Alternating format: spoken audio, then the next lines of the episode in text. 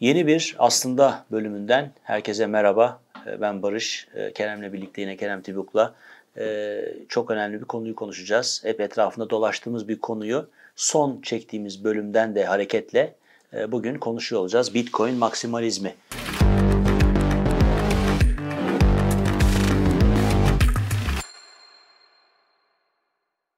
Son bölümde e, Proof of Work algoritmasının ne kadar önemli olduğunu, Bitcoin'in merkeziyetsizliği ve sınırlılığıyla alakalı Proof of Work algoritmasının işlevselliğinden bahsettik.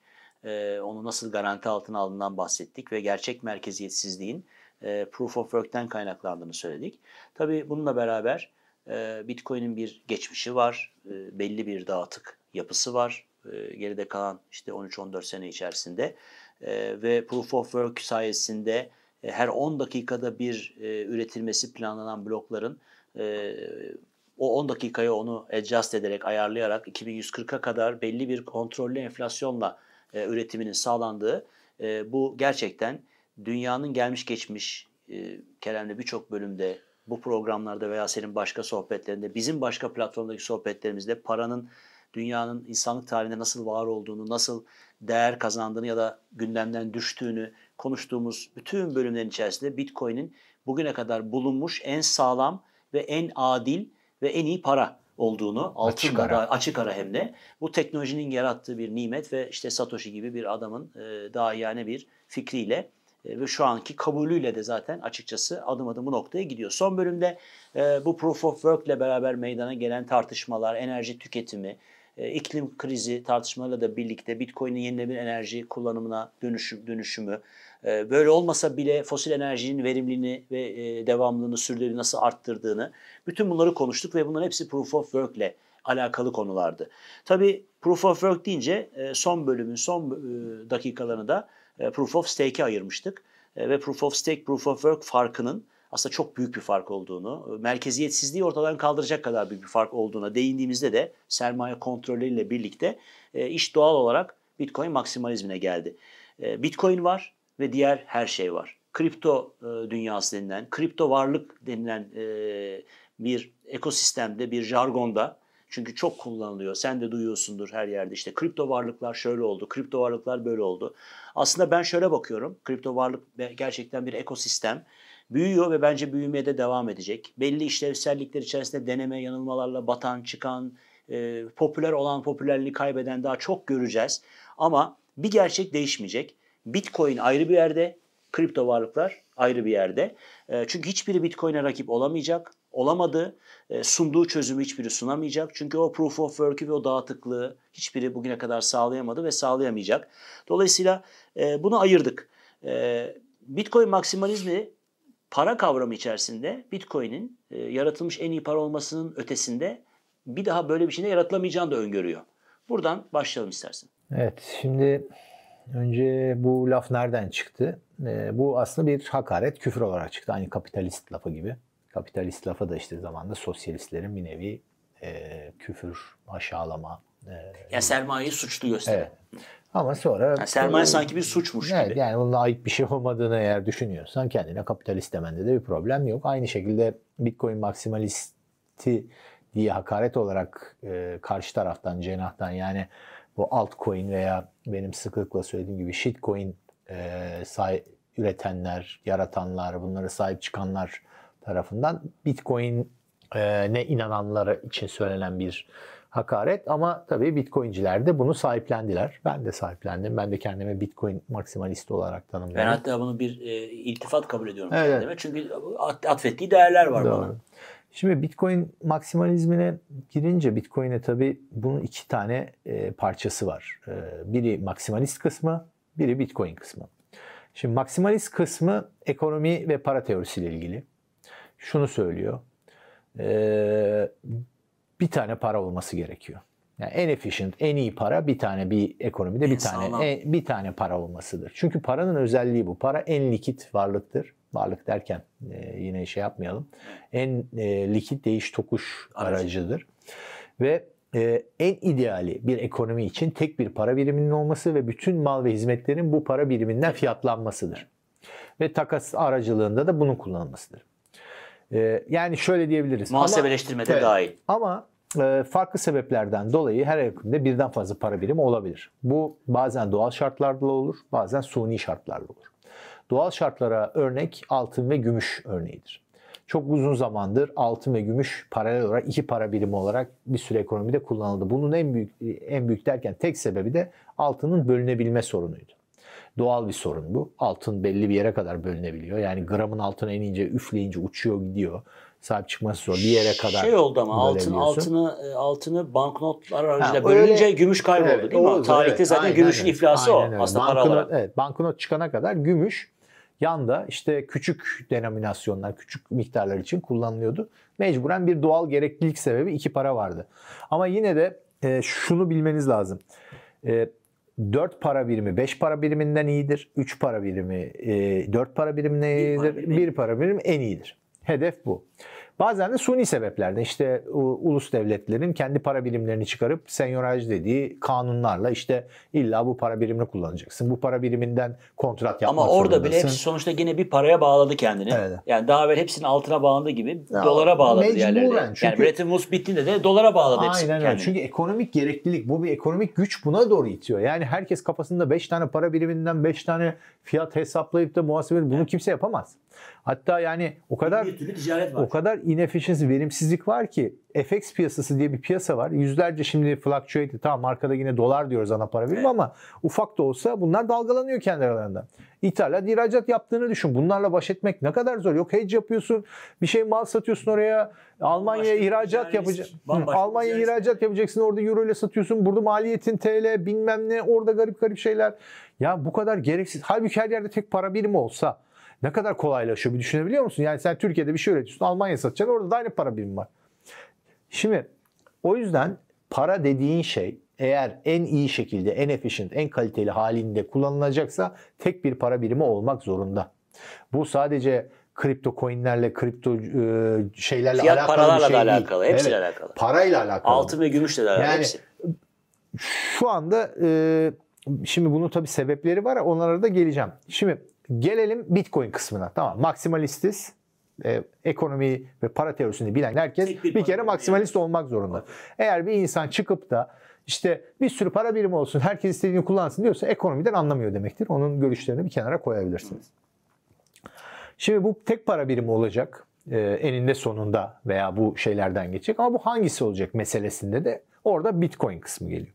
O zaman da paraların, geçmiş paraların, var olan paraların, Bitcoin dışında normal fiyat paraların ve diğer kripto paraların arasında bir kıyaslama yapman lazım. Hangisi daha kaliteli? Hangisi para fonksiyonunu en iyi yerine getirmeye hazır? Şu anda ve gelecek riskler göz önüne alındığında. Okey. Şimdi bunu zaten çok konuşuyoruz da tekrar baştan saracağım aynı şeyleri tekrar edeceğim. Bitcoin'in neden şimdiye kadar gelmiş geçmiş en iyi para birimi olduğunu anlatırken bir sürü sebep sayıyoruz. Bir, merkeziyetsiz ve kontrol sahipsiz, e, kontrol edeni olmadığı için güvenmek zorunda değilsin başkasına ve bu çok önemli para konusunda güven her zaman için suistimal edilmiştir, edilmektedir, edilecektir. Birine güvenmek zorundaysan. Bitcoin bunu sisteme, konsensus sistemiyle yer, e, e, yerine koyarak bu güven şeyini hatta Satoshi'nin çok şey bir meşhur lafı vardır.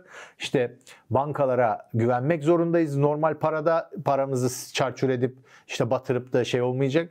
Merkez bankalarına da güvenmek zorundayız. Paramızın değerini korusun diye. Yani iki tane büyük e, kuruma güvenmek zorundasın şu andaki para biriminde ve o güvenin sonunda ne olduğunu da e, yaşayarak görüyoruz zaten. Görüyoruz zaten. Hem bankalar battığında ne olduğunu, hem merkez bankaları para bastığında neler olduğunu görüyoruz. Hükümetlerin faaliyetlerinden doğan sonuçlarını hepsini görüyoruz. Evet. Bitcoin'in işte dediğimiz gibi nedir? Bu merkeziyetsiz olması, sahipsiz olması, güveni güvene ihtiyaç duymadığımız için zaten blockchain de bunun için var ki hep blockchain teknolojileri blockchain teknoloji diyorlar. Orada da bir araya gireyim. İşte hep klasik Bitcoin saldırılarından biri de ya Bitcoin önemli değil, blockchain önemli. Yıllardır e, bu hikayeyi dinlerdik. E, Böyle bir şey yok tabi. Blockchain denilen şey sadece Bitcoin'de işe yaradı şimdiye kadar yarıyor. Başka hiçbir işte yaramıyor.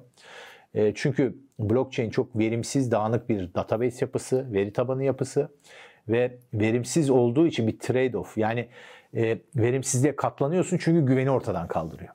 Her iş böyle değil. Para böyle ama. Parada kimseye güvenemezsin. Babana bile güvenemezsin. Basar. Yani bugün basmaz, yarın basar. Öyle basmaz, böyle basar.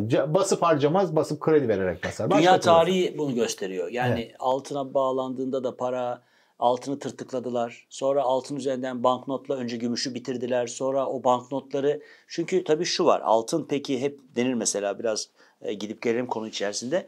E, altına dönülür o zaman peki. Niye Bitcoin olsun ki denildiğinde altına dönülemeyeceği geçmişte örneklendi. Yani altını sonuçta bir yere veriyorsunuz. Fiziksel olması. Fiziksel olarak veriyorsunuz. Onun karşılığında banknot alıyorsunuz. Güven, gene güvenmeniz gerekiyor fiziksel verdiğiniz yerin o kadar banknot basıyor olmasına. Çünkü yapmadılar onu. Tuttukları bir altın miktarının fazlasında banknot basarak bu fark edilmesi geciktirilerek e, onu da e, sonuçta sulandırıp sonra da altına bağını kopartıp bugünkü fiyat para sistemini yarattılar. Bitcoin'in en önemli özelliklerinden biri de bu teknolojik imkanın yanında bölünebilirlik, saklama Tabii. vesairenin yanında e, bu hiç kimseye rezerv olarak güvenmek zorunda olmaman değil mi? Aynen. Ve e, işte bu teknolojinin getirdiği bir şey tabii. Şimdi birkaç şeyle kıyaslayarak gidelim istersen daha rahat olur. Altınla kıyaslamayla başladın.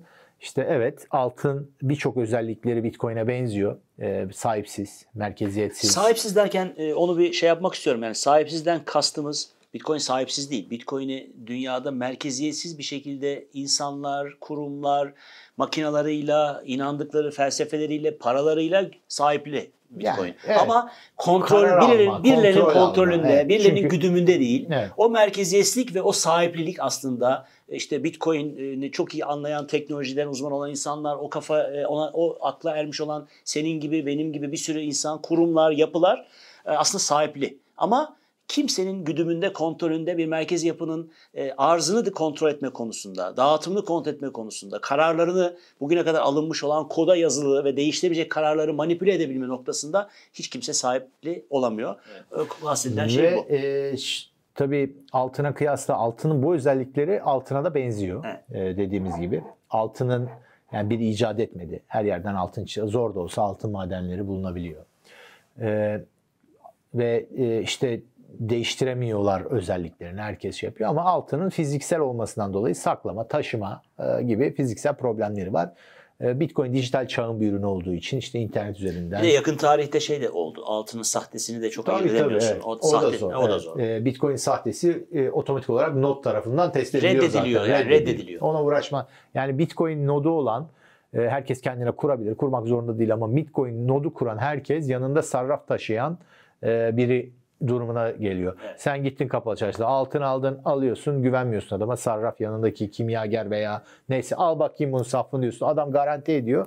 Bu bu dijital şey sayesinde bu node buna Bir de bu e, not neden- kurmanız da illa şart değil. Benim ben bir not kurmadım mesela ama Kerem Güvenilir, derse ki bana hayır nodları, Kerem evet. Kerem bana derse ki ben sana e, borcum vardı. Bunu ben 0.20 Bitcoin olarak ödüyorum derse 0.20 Bitcoin'i bana gönderdiğinde o transaction'ı sistem yani o node mekanizmaları onayladığı için ben biliyorum ki o 0.20 Bitcoin geçerli. E, dolayısıyla ben onu ama bana sen bunu dolar ya da altın olarak ödeseydin ve sen sana güvenmeseydim acaba bana altın gerçek Doların altın mı dolar sahte olabilir. mi diye birilerine sormam gerekecek. O da büyük avantaj. Evet. Ee, şimdi e, diğerlerine gelelim. Ben şimdi diğer kripto paralarla aslında devletlerin yaptığı bu fiyat paraları, kağıt paraları aynı Evet. kefeye koyuyorum.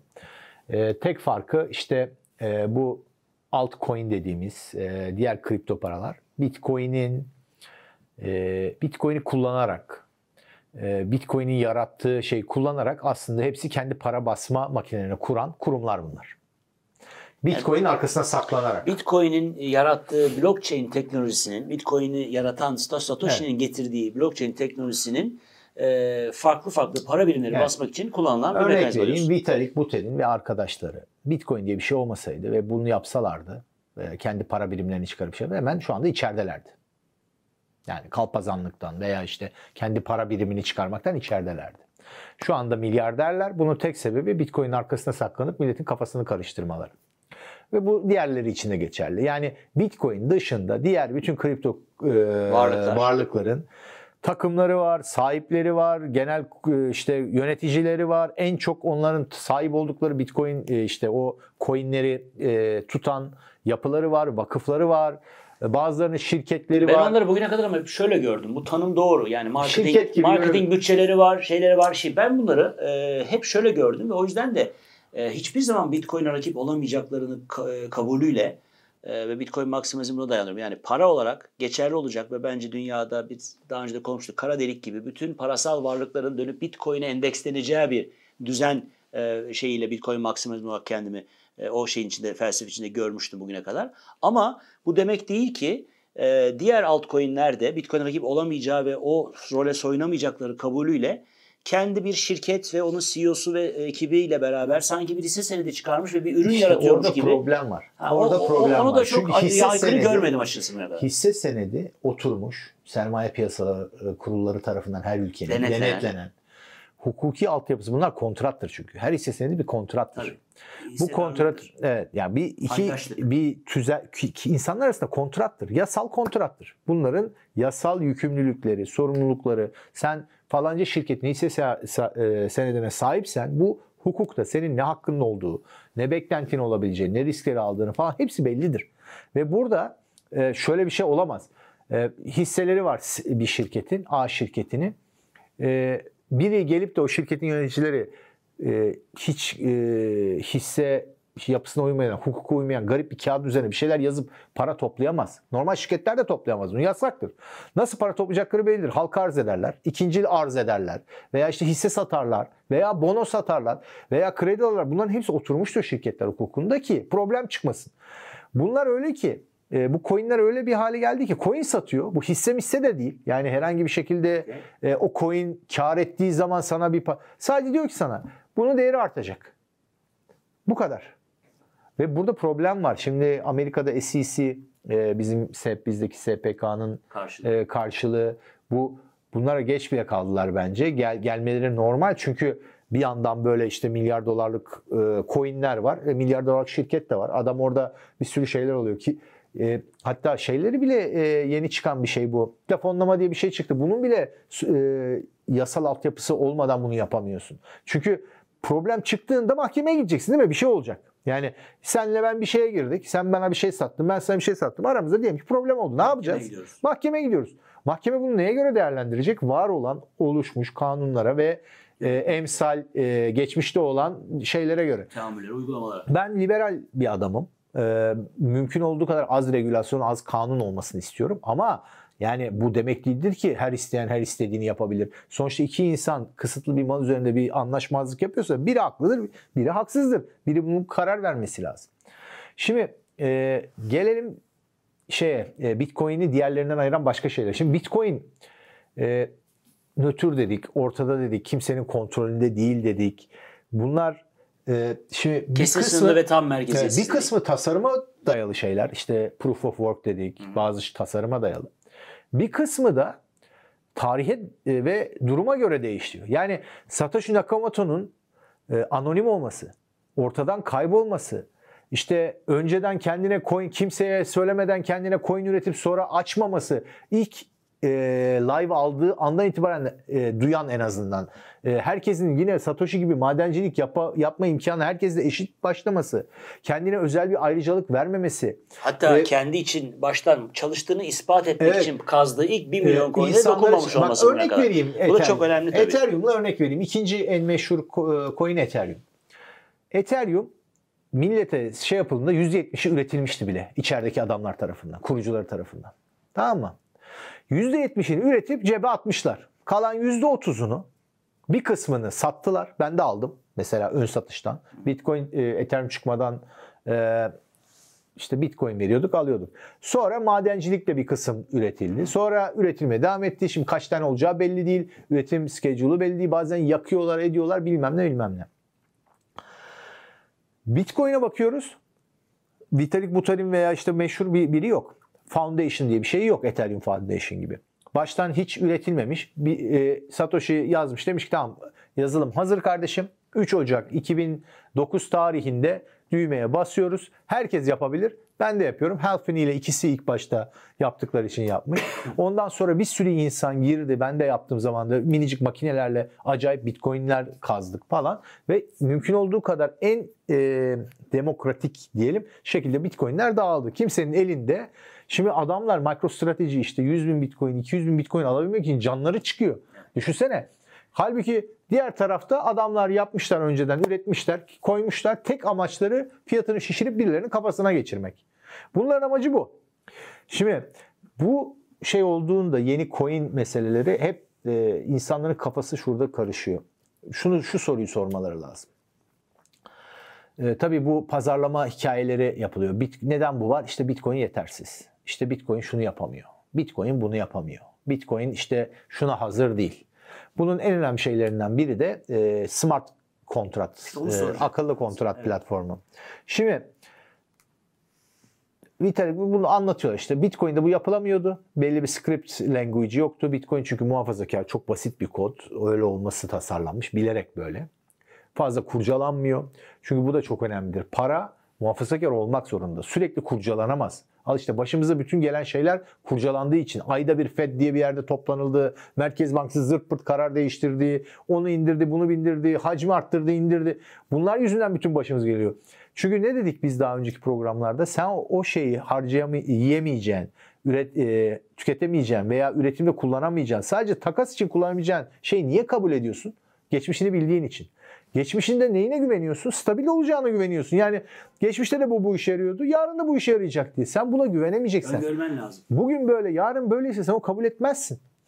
O yüzden e, bunun olması gerekiyordu. Ethereum'da ne dediler? İşte smart akıllı kontrat platformu yapmamız gerekiyor. E yap kardeşim yine Bitcoin'i kullan.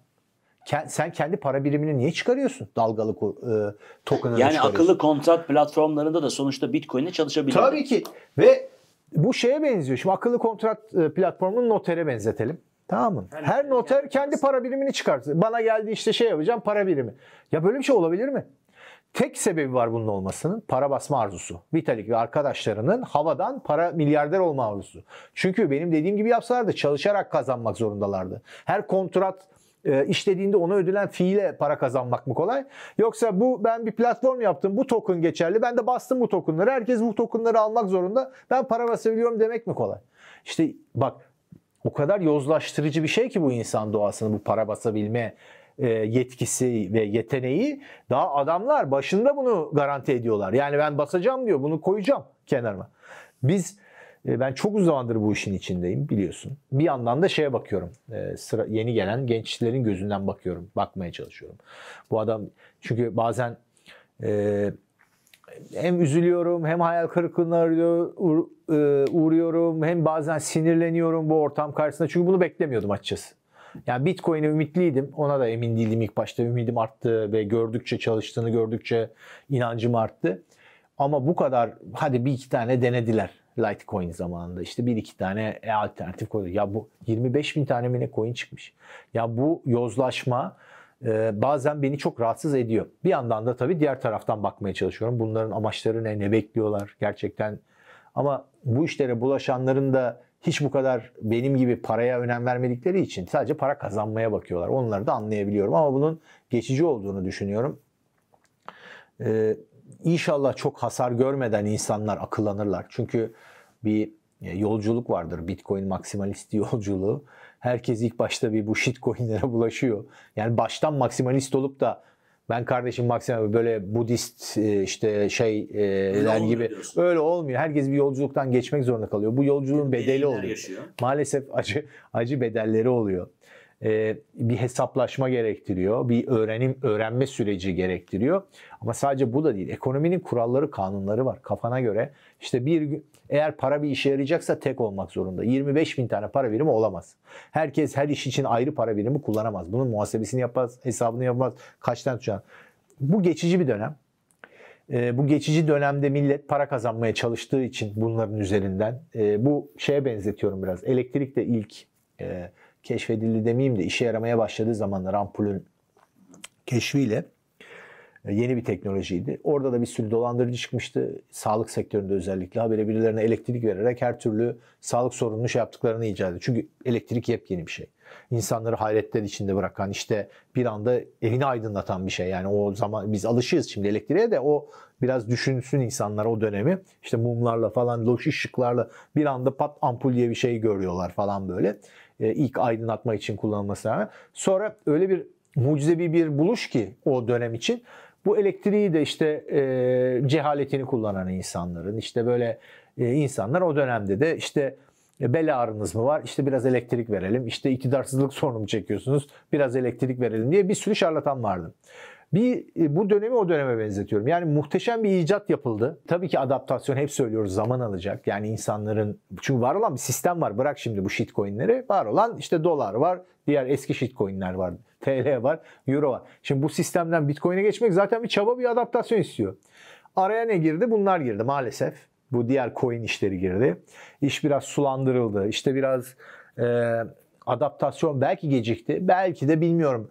E, alternatif tabii paralel evren şey yapamıyoruz. Belki de Bitcoin'e saldırıyı bir yandan. Bir iyi tarafından bakınca öyle de görüyorum. Ben şöyle değerlendiriyorum. Ee, bizde çok konuşuluyor, soruyorlar bize de falan filan. Ben şunu diyorum. Yani bakın şundan emin olun.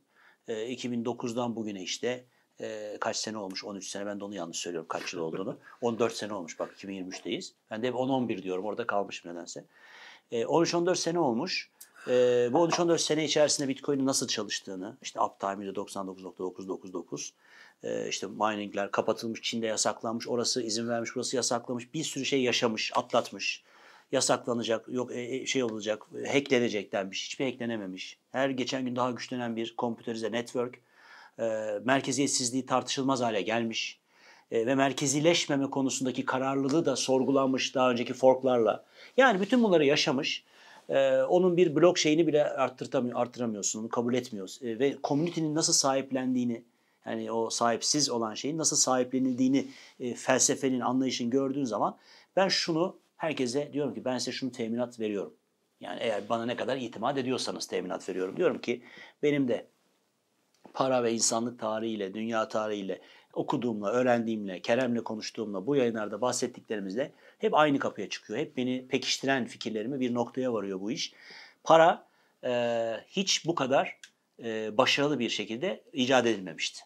E, para için hep insanlar e, taşlardan, kayalardan oydukları, üretilmesi zor olan ve emsalsiz olan şeyleri para diye kullanarak ticaretlerini büyütmüşler alışveriş aracı olarak parayı kullanmışlar, değer saklamacı olarak kullanmışlar, muhasebe birimi olarak kullanmışlar ve bu hep dönüşmüş, değişmiş. Bir ara gümüşü kullanıp bırakmışlar. Altın üzerinden banknotla yozlaşmış. Yozlaşmanın geldiği son nokta fiyat para ponzisi. Şu an yaşadığımız ponzi, merkez bankaları ve hükümetlerin kontrolünde. Hep bize şunu gösteriyor. Bitcoin bugünkü teknolojiyle, bugünkü imkanlarla tarihte yaratılmış en iyi para. En sağlam para. Ve bir tek para olması gerekiyor tezine de vardığımızda Bitcoin'in yerini alabilecek. Bundan sonra ne bir altcoin ya da shitcoin ne derseniz deyin, ne bir fiyat para, ne de bir metal, altın gibi bir başka metal yok. Yani uzaydan yeni bir metal de bulunup gelse onun da bilemiyorsun arkasında ne olduğunu. O yüzden gerçekten bugünkü ıı, teknolojik imkanlarla dünyada yaratılmış en iyi para Bitcoin. Çünkü şöyle bir şey de var. Şimdi bunu bazen karıştırıyor insanlar özellikle krip, diğer kripto paralarda. Bunun bir teknoloji meselesi, sadece bir teknoloji meselesi olduğunu zannediyorlar. O proof of stake, proof of work kıyaslamasında da söylemiştik. Şimdi hep o yüzden şöyle düşünüyorlar. Diyorlar ki işte bu bir şey, Bitcoin çıktı, bir teknoloji ürünü. E daha iyi teknoloji çıktı. İşte demek ki yeni teknolojiler gelecek. İşte iPhone, Nokia telefon vardı. Sonra iPhone'lar şey oldu. Nokia'yı kimse kullanmıyor falan. Bu bir teknoloji olduğuna göre, e, teknoloji de geliştiğine göre, e, Bitcoin eski, bunlar yeni. E, o zaman bunların arasından biri olmasa bile öbürü daha iyi bir teknoloji gelecek. Şimdi bu en temel yapılan hatalardan biri bu işe bakılırken. Çünkü Bitcoin teknoloji meselesi değil özünde. Bir konsensus mekanizması. Teknoloji sadece bu konsensus mekanizmasını çalıştıran bir şey. Yani sahipsiz şöyle bir şey oluyor. Sahip e, sahipsiz derken işte desentralize, hı birinin kontrolünde olmayan ve giremeyecek ve girmesinin çok zor olacağı. Öyle bir yapı inşa değiştiremeyecek kimse. Bizim ama yani bu paranın e, merkezi bu amaç bu bir para yaratılırken. Öyle bir para yaratalım ki kimsenin kontrolüne giremesin. Bu teknolojisi blockchain'in blockchain'in kriptografisi sonradan gelmiş. Me- mecbur olduğu için kullanılan Fikir şey. önemli burada. Şimdi bu diğer coinler bunu Bitcoin'in bu özelliği taklit etmelerine imkan yok. Çünkü bu belki de bir kere olabilecek bir şey. Ve bir kere oldu mu da bunu tahtından indirmek hemen hemen imkansız. Çünkü e, Bitcoin olmuş belli bir e, desentralize, sahipsiz ve dağınık yapıya kavuşmuş. Kontrolünde değil. Şimdi biri gelip de benimki daha kon daha dağınık diyemiyorsun ki kıyaslayacak bir şey yok. Evet. Bitcoin'in merkezileşmesi lazım. bunu diyebilmek için. Ki sen karşısında Ha sen karşısında benimki Ben- daha mer- bak bu oldu. Ben merkeziyetsiz daha böyle Evet, o güne güvene kadar- o güne Şimdi kadar bu Bitcoin ölürse belki bir tane yerine gelebilir. Eğer biri ele geçirirse Bitcoin zannetmiyorum ama diyelim ki Bitcoin e, milyonda bir ihtimal diyelim e, imkansız diye bir şey yoktur diyelim. Bitcoin'i birileri ele geçirdi. Tamam mı? O zaman bir ihtimal başka biri, bir başka bir grup insan daha e, ne- nasıl ele geçirildiğini de bakarak işte bu lan bu Daha böyle üstün yaptı. bir- Ha, daha daha üstün. daha ele geçirilemeyecek bir teknoloji demeyelim de bir konsensus yapısı Evet. e, yapar. O yerine geçebilir. Ama Bitcoin böyleyken hiçbiri yok. Benimki daha hızlı. Benimkisi saniyede bilmem kaç tane işlem yapıyor. şeylerden taviz Yok verdi. benimkisi işte smart kontrat yapıyor. Daha başka coin çıkarmaya yarıyor falan filan. Bunlarla Bitcoin'i tahtından kimse indiremez. Evet. Şimdi tabii onun için de e, ben şunu söyledim hep işte bir ayağı da bu işin yatırım. Keyword burada yatırım. Oradan e, bitirelim bağlayarak. E, yani diğer coinler, Bitcoin dışındaki coinleri hiçbir zaman Bitcoin'e rakip olamayacağını kabulüyle hareket edecekseniz eğer diyorum. Arkasındaki ekibiyle ve ortaya çıkacak ürünün e, kullanımıyla birlikte gerçek hayatta sizin o aldığınız coin'in değerleneceğine inanıyorsanız bunu bir hisse senedi yatırımı gibi görerek ve bunun karşındaki o e, regülasyon risklerini de göz önüne alarak bu yatırımı yapabilirsiniz. Bu herkesin kendi inanışıyla, alışkanlığıyladır. Ama bu bir yatırımdır. Ben şimdi Bitcoin maksimalizmi denildiğinde bir kelimeyi daha altın çizip orada sana e, görüşünü istiyorum senden. O fik- cevabı almak istiyorum. Yatırım, Bitcoin bir yatırım aracı dediğiniz anda da Bitcoin maksimalist olmaktan uzaklaşıyorsunuz diye görüyorum ben. Bitcoin bir yatırım aracı, bir yatırım enstrümanı. Yani biraz Bitcoin alayım mı? Bende biraz altın var. Biraz da işte e, Arçelik hisse senedi almıştım. O da bayağı iyi oldu. Türk Hava Yolları almıştım. İyi oldu. Biraz da Bitcoin almıştım. Şimdi bunu dediğiniz zaman evet Bitcoin'in fiyatındaki artıştan bir kazanç elde etmeyi bekliyorsunuz. Bu da size bir yatırım enstrümanı haline getiriyor Bitcoin ama Bitcoin maksimalist olarak kendinizi adlandırmamanız gerekiyor. Çünkü Bitcoin maksimalist olmak için şunu şu denklemi kabul etmeniz gerekiyor. Bir Bitcoin eşittir bir Bitcoin. Bitcoin'in fiyatı hiç değişmiyor.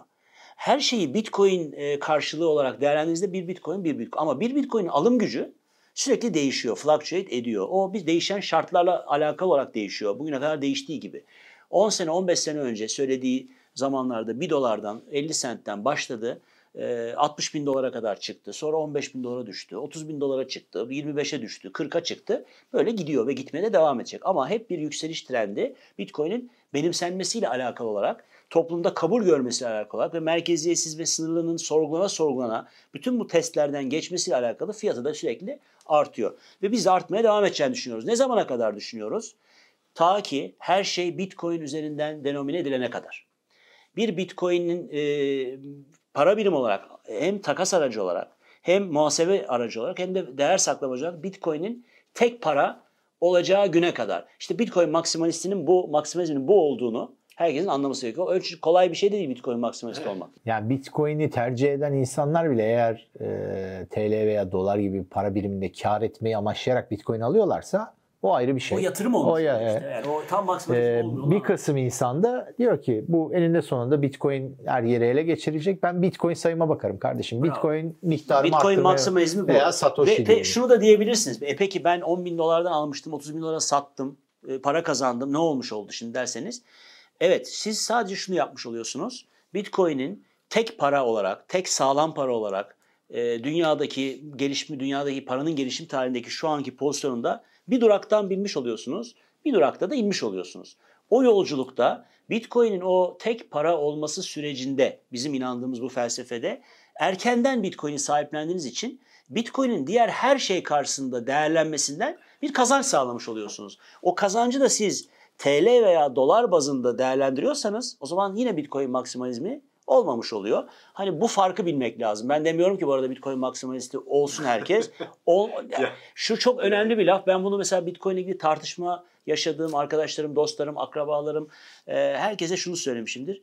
Bir gün herkes Bitcoin alacak, herkes hak ettiği fiyattan alacak demişimdir. Ben buna çok inanıyorum gerçekten. Öyle Ee, Burada şimdi benim de kişisel yolculuğumda işte hem tanıdığım insanlara hem işte tanımadığım ama sosyal medyada işte böyle programlarla mesaj verirken e, samimi olarak düşüncelerimi söylüyorum. Ee, tabii bu bir hani klasik yatırım tavsiyesi değildir diye onu koymamıza gerek yok. Ben böyle bir yatırım danışmanlığı yapan bir insan değilim zaten.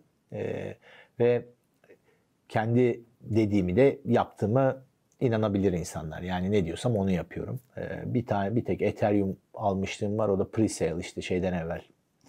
Ee, daha Ethereum yokken sadece white paper varken e, aldığım Ethereum.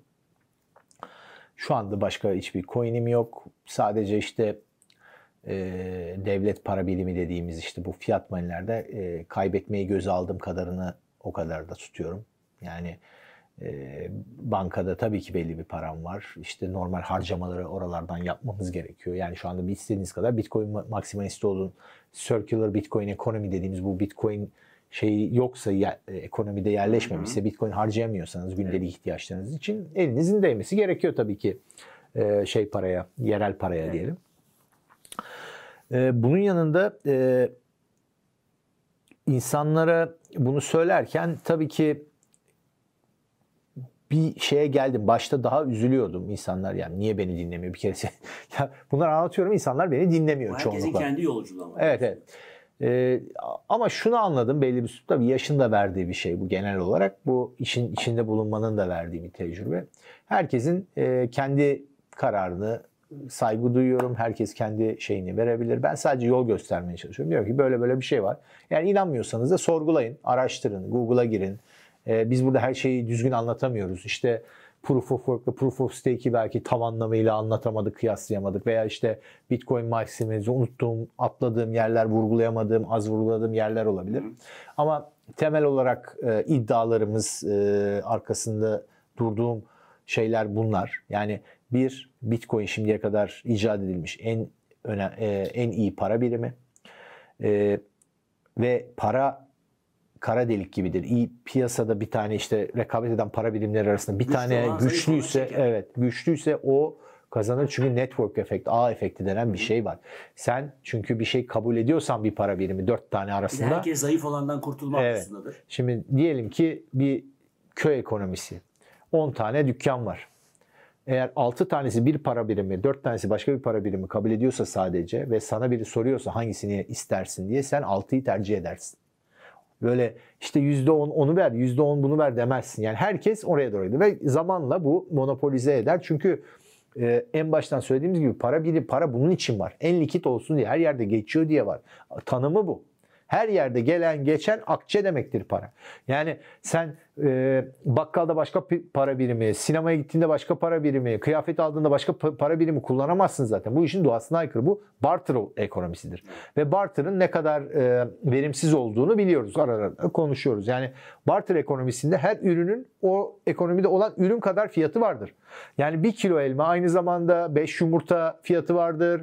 İşte bir kilo e, et fiyatı vardır. Yani ne kadar iki tane ayakkabı yani düşünsene bir e, bir şey satıyorsun üzerine 70 tane fiyat yazmışsın. Çünkü barter ekonomisindesin. Böyle bir şey olabilir mi? Olamaz. Yani bu fiyat paraları da dönersek çünkü esas e, shitcoin'ler bir anlamda fiyat paralar. Evet. E, onların dijital merkez bankası paraları dedikleri de esas shitcoin'ler yani. Çünkü fiyat para dediğimiz bu e, sınırsız ve karşılıksız basılabilen paralar e, işte biri devlet shitcoin'i, biri özel shitcoin. Evet, gibi yani ya teknoloji kripto şey. bizim altcoin dediğimiz Ama özel shitcoin'ler şunu, e, şunu unutmasınlar. Yani şey, şeye bağlamak istedim bunu söylerken.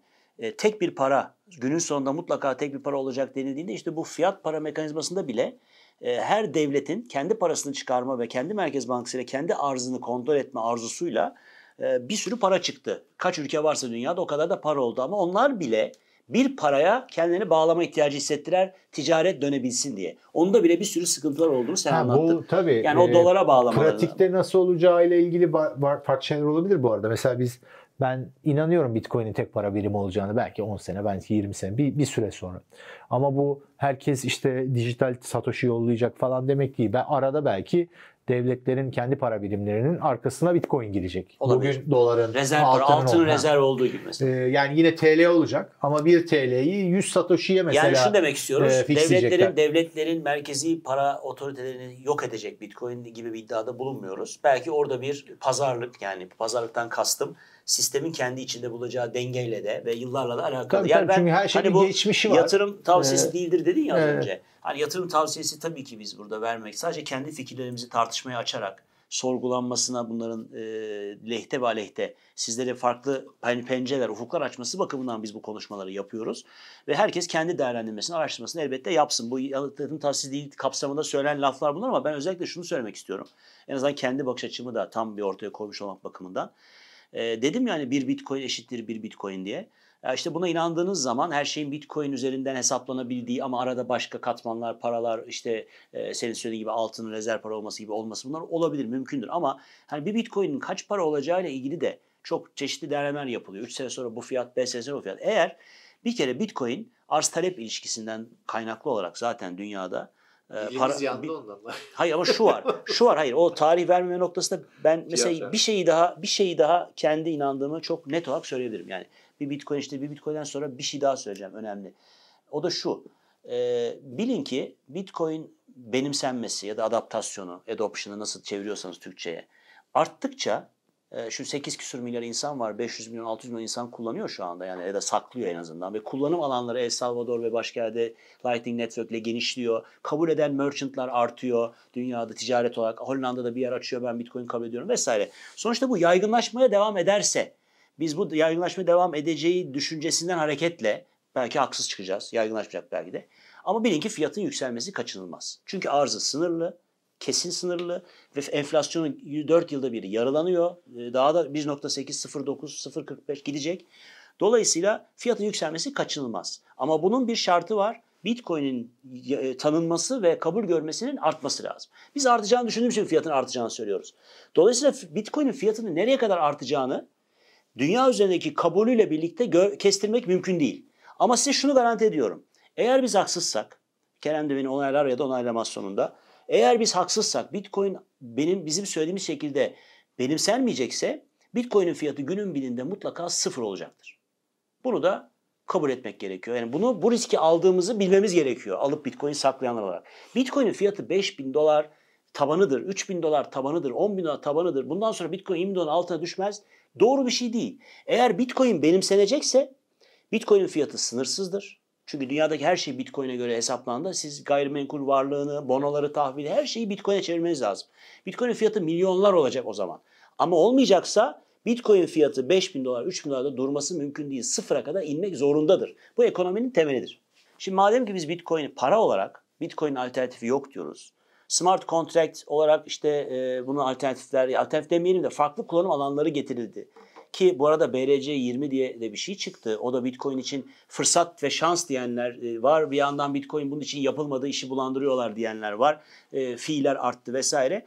Ama şu var o ayrı bir tartışma ama e, Şimdi BTC Türk de dahil olmak üzere dünyada kripto borsalarında hepsinde binlerce bitcoin işlem görüyor. Kimi delist ediliyor, kimi listeleniyor. Çok büyük bir kabul var, çok büyük bir istek, arzu var bu konuda. Biz bunları da alıp satmak istiyoruz diye.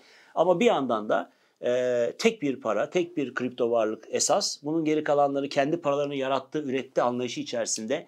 E, bunun hani e, fair de olmadığı, ahlaklı da olmadığı e, düşüncenden hareketle söylüyorum. Niye var peki bunlar? Onunla da şey, bitirelim. Niye BTC Türk'te shitcoin var? Ee, bu bu arada ben olması gerektiğini düşünüyorum. Çünkü bu arz talep meselesidir. Yani insanlara sen fikrini söylersin ve onların neye e, yönelmiş. Yani bu birazcık yani da müdahalecilik olur. Senin şeyine de aykırı. öyle düşünüyorum. Yani, yani çünkü bizim sebebi, hiçbirimizin kimsenin ne yapacağına müdahale etme hakkımızın tabii, olmaması gerekiyor. Sebebini anlatayım. E, bu benim kendi içimde yıllar içinde çok sorguladığım, kendi kendimi sorguladığım bir mesele ve dediğin gibi orada bir e, ikilem var bir yandan işte Bitcoin dışında bütün bu kripto paraların sıfıra gideceğini düşünüyorum. Lüzumsuz olduğunu düşünüyorum. Bir yandan da işte BTC Türk'te bunlar trade ediliyor. Ama ee, hangi vadede olduğunu da bilemiyorsun. Hangi tabii. süreçler yaşanacağını da bilemiyorsun. Şimdi o yüzden birkaç o... bunun şeyi var. Ee, bu basit bir mesele değil. O yüzden teşekkürler bu soruyu sorduğun için. Bir kendimi açıklama fırsatım oldu. Ama bunu açıklarken şunu aklına çıkarma. Sen sonuçta müdahaleye tamamen karşısın. Tamamen liberal bir insansın. Ya şimdi ben BTC Türk'ü Bitcoin için kurdum. Zaten BTC Türk kurduğumda Bitcoin dışında başka bir şey yoktu. İkinci bir coin'i Kolaydı o zaman bu işler. Tek coin olunca. Yani millet işte bir şey bir tane bir şey var dijital varlık alsınlar satsınlar. İnanıyorlarsa ee, tutsunlar. Evet ve biz alım satımdan komisyon alıyoruz. Biz zaten BTC Türk'te ne başta ne şimdi herhangi bir coin, Bitcoin dahil herhangi bir coin'i alıp satmıyoruz şirket olarak. Biz sadece aracılık yapıyoruz. Yani senin başka bir insanla e, dijital varlık alıp satmana aracılık yapıyoruz platform sayesinde. Ve işte saklama alım hizmeti- satın fiillerini yapıyoruz. Alım satın fiillerini. Burada tabii çok unutma lütfen lafını araya gireyim. Yani Kem, hem Kerem benim çok eskiden arkadaşım. Daha BTC Türk yokken, Bitcoin yokken arkadaşlığımızın olduğu e, bir geçmişimiz var. Hem de Özgür aynı zamanda e, şirketin CEO'su. E, O da benim yine Kerem gibi çok eski arkadaşım. Fenerbahçe'den tanıştığımız bir şeyimiz var, geçmişimiz var. E, Ve finans kökenliyiz hepimiz aslına bakarsanız. E, Özgür'ün de söylediği bir şey vardı çok önemli. Bu işte bank run'lar falan konuşuluyor. İşte batan kripto borsaları kaçtı falan. O Todex falan hatırlıyorsun geçmişte. Ee, Özgür şunu söylemişti çıkıp e, çok da hani acaba burası sağlam mı şurası sağlam mı denildiği yerde e, biz demişti herkes istediği bitcoin'ini ya da kripto varlığını bizden talep etsin. E, teknolojik imkanlar çerçevesinde yarım gün içinde tamamını çünkü biz hiçbirini dokunmuyoruz. Hepsi ondan orada sadece takas olarak duruyor. Dolayısıyla sizin varlığınızı kripto varlığınız ya da altınız ya da paranız ya da bankadaki dolarınız hepsi için söyleyebilirsiniz. Kurum bunun alım satımından para kazanıyorsa ve sadece bu işlemden hareket ederek e, varlığını sürdürüyorsa, sizin varlığınız üzerinden e, onları sizden habersiz satarak, alarak başka ticaretlere ev- çevirmiyorsa e, bank run dediğimiz şey gerçekleşmesi mümkün değil. Talep ettiği zaman onu karşılığını verebiliyorsa ama işte kısmi rezerv e, sisteminde bank sisteminde bu böyle bir şey mümkün olmadığı için tüm bankalar batık zaten Bizim demiştik. kısmi rezerv e, Burada da böyle bir şey yok. Yapanlar oldu FTX başta olmak üzere. Eğer müşterinin parasını alıp e, kullanıp işte ondan para kazanmayı umut edip sonra müşterinin parasını geri koymayı umut eden Yani çok çift adam. çift muhasebeyle orada bir varlıklar var ama siz Evet. öbür tarafta o Yani varlıklarla o- oynuyorsunuz. Ee, yani o zaten buna Bence bu çok önemli yok. Bu, aslında. Böyle bir şey Bunun yapmıyoruz. bilinmesi onu çok önemli. bilinmesi. Ee, yani bizim alıp satmadığımızın bilinmesi şu ondan önemli. Orada biz e, nötr bir pozisyon alabiliyoruz. Şimdi bu Bitcoin, e, shitcoin konusunda da aynı şekilde. Şimdi tarihsel olarak da biraz anlatayım. Çünkü bu bir günde karar verilmiş, bir günde olmuş bir şey değil. BTC Türk'ün de bir serüveni var ilk kurulduğundan beri.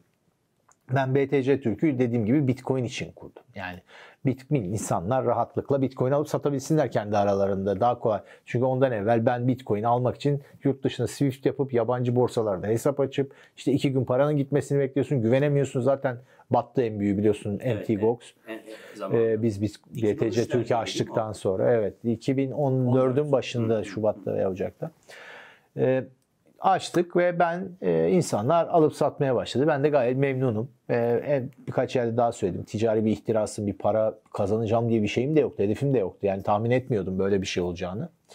Ee, namım yürüsün. İşte bir ilk yapan olayım. İşte İnandığım bir şey, ha, inandığım bir şey. Ha, yarın öbür gün yani biraz sosyal sorumluluk projesi gibi gördüm ben bunu aslında. Daha sonra tabii iş büyümeye başladı. Ee, bu e, dışarıdan da görünebilir şekilde BTC Türk'ün işte büyümesi, işte e, çalışan sayısı, işte e, aplikasyonları falan. E, ve bayağı da bu coin sayıları artmaya başladı tabii süreç içinde. İnsanlar yeni yeni coinler çıkarmaya başladılar. İşte önce Litecoin, XRP falan gibi şeyler, Ripple gibi şeyler. Sonra Ethereum'la birlikte hem Ethereum'un üzerinden bir sürü token çıkarılmaya başladı hem de Ethereum'u taklit eden akıllı kontrat platformu diye böyle bir sürü şey çıkmaya başladı. Ee, ve açıkçası direndik. Yani eklememek için. Ee, biraz da duygusal olarak. Çünkü ticari olarak baktığında kardeşim biz sadece aracılık yapıyoruz. Yani insanlar alıp satabilirler. Eğer başımız yasa olarak Yani bir problem yoksa. Ee, orada e, direndik. Sonra şöyle bir şeye oturdu. Ee, onu da anlatayım. Bir prensibe, bir politikaya BTC Türk'ün coin listeleme e, prensibi. Şimdi birincisi dediğin gibi ben de buna inanıyorum. Yetişkin insanların paralarıyla ne yapacağına ben karar veremem. Bir. Ben tavsiyede bulunurum. Zaten başından beri de bulunuyorum. O yüzden vicdanım biraz rahat. Yani evet e, BTC Türk'te bir sürü shitcoin var. Buradan para kaybetmiş insanlar maalesef vardır. İleride de olabilir. Ama ben her yerde, her fırsatta Bitcoin'den başka bir şey söylemiyorum. Yani Türkiye'deki en e, sesi çıkan Bitcoin maksimalistlerinden biriyim belki. Daha fazla çıkabilir mi? Çıkabilirdi belki ama onun da bir kişisel şeyi var tabii. E, onun dışında insanlara her fırsatta ve e, kurum olarak da şuna dikkat ettik. E, hiçbir iletişimimizde, reklamımızda Bitcoin dışında bir e, paranın adı geçmez. Kripto paralar diye e, deriz ama Ethereum burada alınır. İşte e, falanca coin burada alınır diğerlerinin yaptığı gibi. Biz sadece Bitcoin, Bitcoin, Bitcoin deriz ve bizim çok basit bir e, bu şimdiye kadar söylediklerimi de anlatan bir şeyimiz var şimdiye kadar hala da devam ediyor. Kolayca Bitcoin al sat. Bu kadar. Yani ne başka bir coin adı geçiyor ne de işte aldığın para e, biz şey de söylemeyiz işte e, gelir e, gelir de e, vaat etmeyiz, kar da vaat etmeyiz kimseye. Kolayca Bitcoin alsak bu kadar. Ha, Bitcoin kıymetini anlarsın, anlamazsın, gidersin başka şeyler yaparsın o senin bileceğin iş. Onun dışında tabii ki her coin'de listelemiyoruz. Bu piyasada e, burada da çok üçkağıtlar dönüyor. E, listeleme ücreti diye bir şey var mesela. Bu nasıl çalışıyor anlatayım. BTC Türk gibi çok müşterisi olan borsalara yeni coin çıkaracak gruplar, firmalar gidiyorlar. Bunlarla anlaşıyorlar. Listeleme ücreti ödüyorlar. Bu da öyle basit bir ücret ver basit listeleme olmuyor. Ödüyorlar. Çok büyük paraları o coin şeklinde ödüyorlar. Dolayısıyla çıkar birlikteliği oluyor. Yani o coin'in fiyatının yükselmesi, yükselmesi aracı kurumada kazandırıyor. Böyle e, benim ahlaksızca bulduğum ve moral hazard dediğimiz ahlaki tehlikeye yol açan, ileride kurumların davranışlarını etkileyebilecek e, saçma sapan ilişkilere giriliyor. Biz buna asla girmi, girmiyoruz. Ve o işte pump dump dedikleri de evet. bu şekilde oluşuyor. İkincisi baş, bize diyorlar ki müşterilerimiz bazen işte çok sıklıkla bazen de değil. İşte çok geç listeliyorsunuz. İşte başta e, niye erkenden listelemiyorsunuz? Biz kar fırsatına kaçırıyoruz. Şimdi burada iki tane şey var. Birincisi bunu söyleyenleri ben anlıyorum da sen ucuza 3 kuruşa bedavaya aldın birinin üzerine şey yapacaksın diye ben erkenden listeleyip de başkasını kurban edemem. Çünkü eğer o coin dedi onların da iddia ettiği gibi önce bir yükselip sonra düşecekse birileri kurban olacak tepeden alan evet. değil mi? Yani bu benim müşteri ayrımı yapıp da yani gidip de ta, diyemem bunu. Bir müşterimi belli oranda korumam lazım. İkincisi e, bu coinlerin belli bir global likiditesi olması lazım ki yarın öbür gün ben delist edersem elinde kalmasın. Yani gidip başka yerde satabilsin. başka yerde satabilsin. Piyasası olan, başka yerde olan. Dolayısıyla oturur. sen belli bir güven ve derinliğe ulaşana yani, kadar bekliyorsun. Bunları yapıyoruz. Şimdi yine de e, ben tekrar söyleyeyim. Bizde kaç tane coin oldu? 45-50 tane olmuştur belki. E, bu coinlerin hiçbirinin e, bir değer önerisi olduğunu düşünmüyorum. Bitcoin dışında. Bitcoin'de yatırım alsatlık bir şey değil. Alınıp ilk alınacak, son satılacak varlıktır. Yani başka her şeyi alıp satabilirsiniz. İlk alır, ilk boşa çıkan paranızla alacağınız evet, ve en son alacağız. en son satacağınız şeydir. Çünkü en sağlam paradır. Evet, en sağlam paradır. Ben eğer biraz işte e, bunları da tabii e, gökyüzüne bakıp astrologlar gibi veya kahve falına bakıp şey yapmıyoruz. Bu konuşuyoruz işte tarih bilgisi, ekonomi bilgisi, bize ekonomi tarihinin söyledikleri, insan doğasının bize öğrettikleri, işte evrimsel psikoloji diyoruz. Medeniyetler nasıl olur, ekonomi nasıl e, işler, nasıl zenginlik olur bunları bunların içinde bir parçası olduğu için çok önemli bir parçası olduğu için Bitcoin'in veya olmaya daha da e, öneminin artacağını e, parça yüklü olarak bunu düşündüğüm için söylüyorum ve söylediğimi de kendimi yapıyorum. Bunu da bile şey yapabilirsiniz. Dolayısıyla ben ilk başa dönersek hani ben BTC Türk Sosyal Sorumluluk Projesi olarak başladım diyorum ya hala kısmen o şeyim devam ediyor ki ben normalde e, yani pure kapitalist böyle saf kapitalist dediğin yani hiçbir zaman kardan utanmayan, kar etmenin en büyük sosyal e, fayda olduğunu iddia eden, e, kapitali, kapitalistlerin, işte sermayedarların çok çok değerli insanlar olduğunu iddia eden, savunan, işte zengin savunucusuyum. Yani böyle bir insan olmama rağmen e, sosyal sorumluluğun e, bu, bu çünkü çok önemli bir şey. Bu sadece işte bir felakette birine yardım etmek, bir e, az parası olana burs vermek, işte kişisel dokunuşlar dışında bütün ekonomiyi, herkesi çok ilgilendiren bir konu sağlam para. Yani sağlam para olduğu zaman, para suistimal edilmediği zaman, yozlaştırılmadığı zaman öyle büyük etkileri var ki herkese ekonomide. Yani ölçülemeyecek kadar. O yüzden çok inanıyorum buna. Zaten zaten e, söylediğinin şöyle bir kanıtı var tarihte. 1800'lerin başıyla e, Birinci Dünya Savaşı'na kadar olan 100 e, küsur yıl bir öyle bir dönem var. Altın standardının yaşandığı ki Birinci Dünya Savaşı'ndan sonra da bir müddet daha e, İsviçre altın standartına bağlı kaldığı için de güçlü kaldı.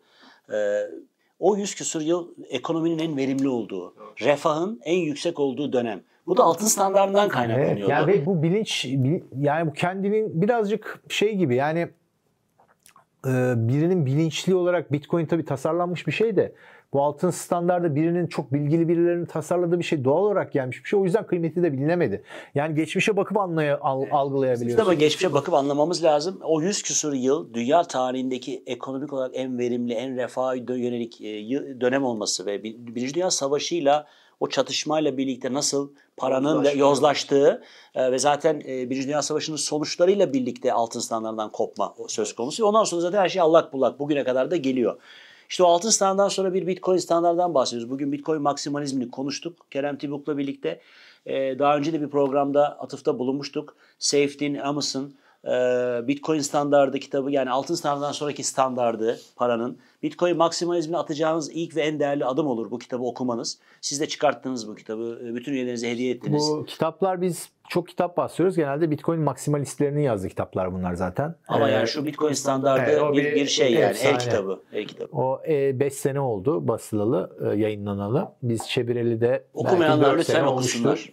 E, çok dağıttık, dağıtmaya devam ediyoruz. Diğer kitaplar da fena değil.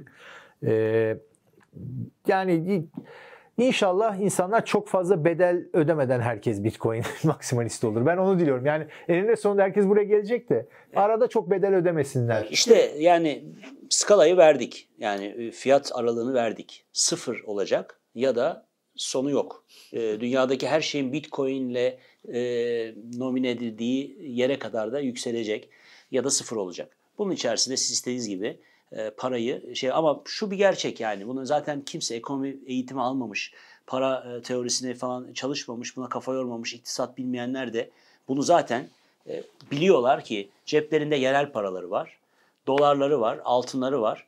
En önce yerel paradan kurtulmak istiyorlar. Sonra dolardan kurtulmak istiyorlar. Sonra en son altından kurtulmak istiyorlar. Çünkü altını sağlam para olarak görüyorlar. En sonunda onu elden çıkarıyorlar. Birikimlerini de genelde insanlar hep geçmişte ne yapmışlardır? Anneanneler, babaanneler altın alıp koymuşlardı Tabii. kenara. Çünkü altın çok değerlidir. Gücünü kaybetmez, değerini yani korur. Geleneksel olarak insanların e, gelenekten gelen altınla ilgili bir bilgileri var. Ekonomist olmasına gerek yok. Aynen öyle. Yani aynen. Geçmiş, geçmişte bir yaşanmışlık var. Dolayısıyla altın standardının dünyada hakim olduğu dönemde nasıl bir refahın olduğunu, nasıl bir ticarette bir adil ve verimliliği arttırıcı bir etkisinin olduğunu altın standardının eğer bunu okursanız bir sonraki standart eğer Bitcoin standardı olmaya yönelik altından daha değerli bir, daha sağlam bir varlık olarak eğer anlayabiliyor, görebiliyorsanız bu Bitcoin maksimalizm atılan ilk adım olmuş oluyor. Bu program da onun için aslında bir yol haritası. Herkesin kendi kararı ve risk anlayışına bağlı olarak. Hoşçakalın.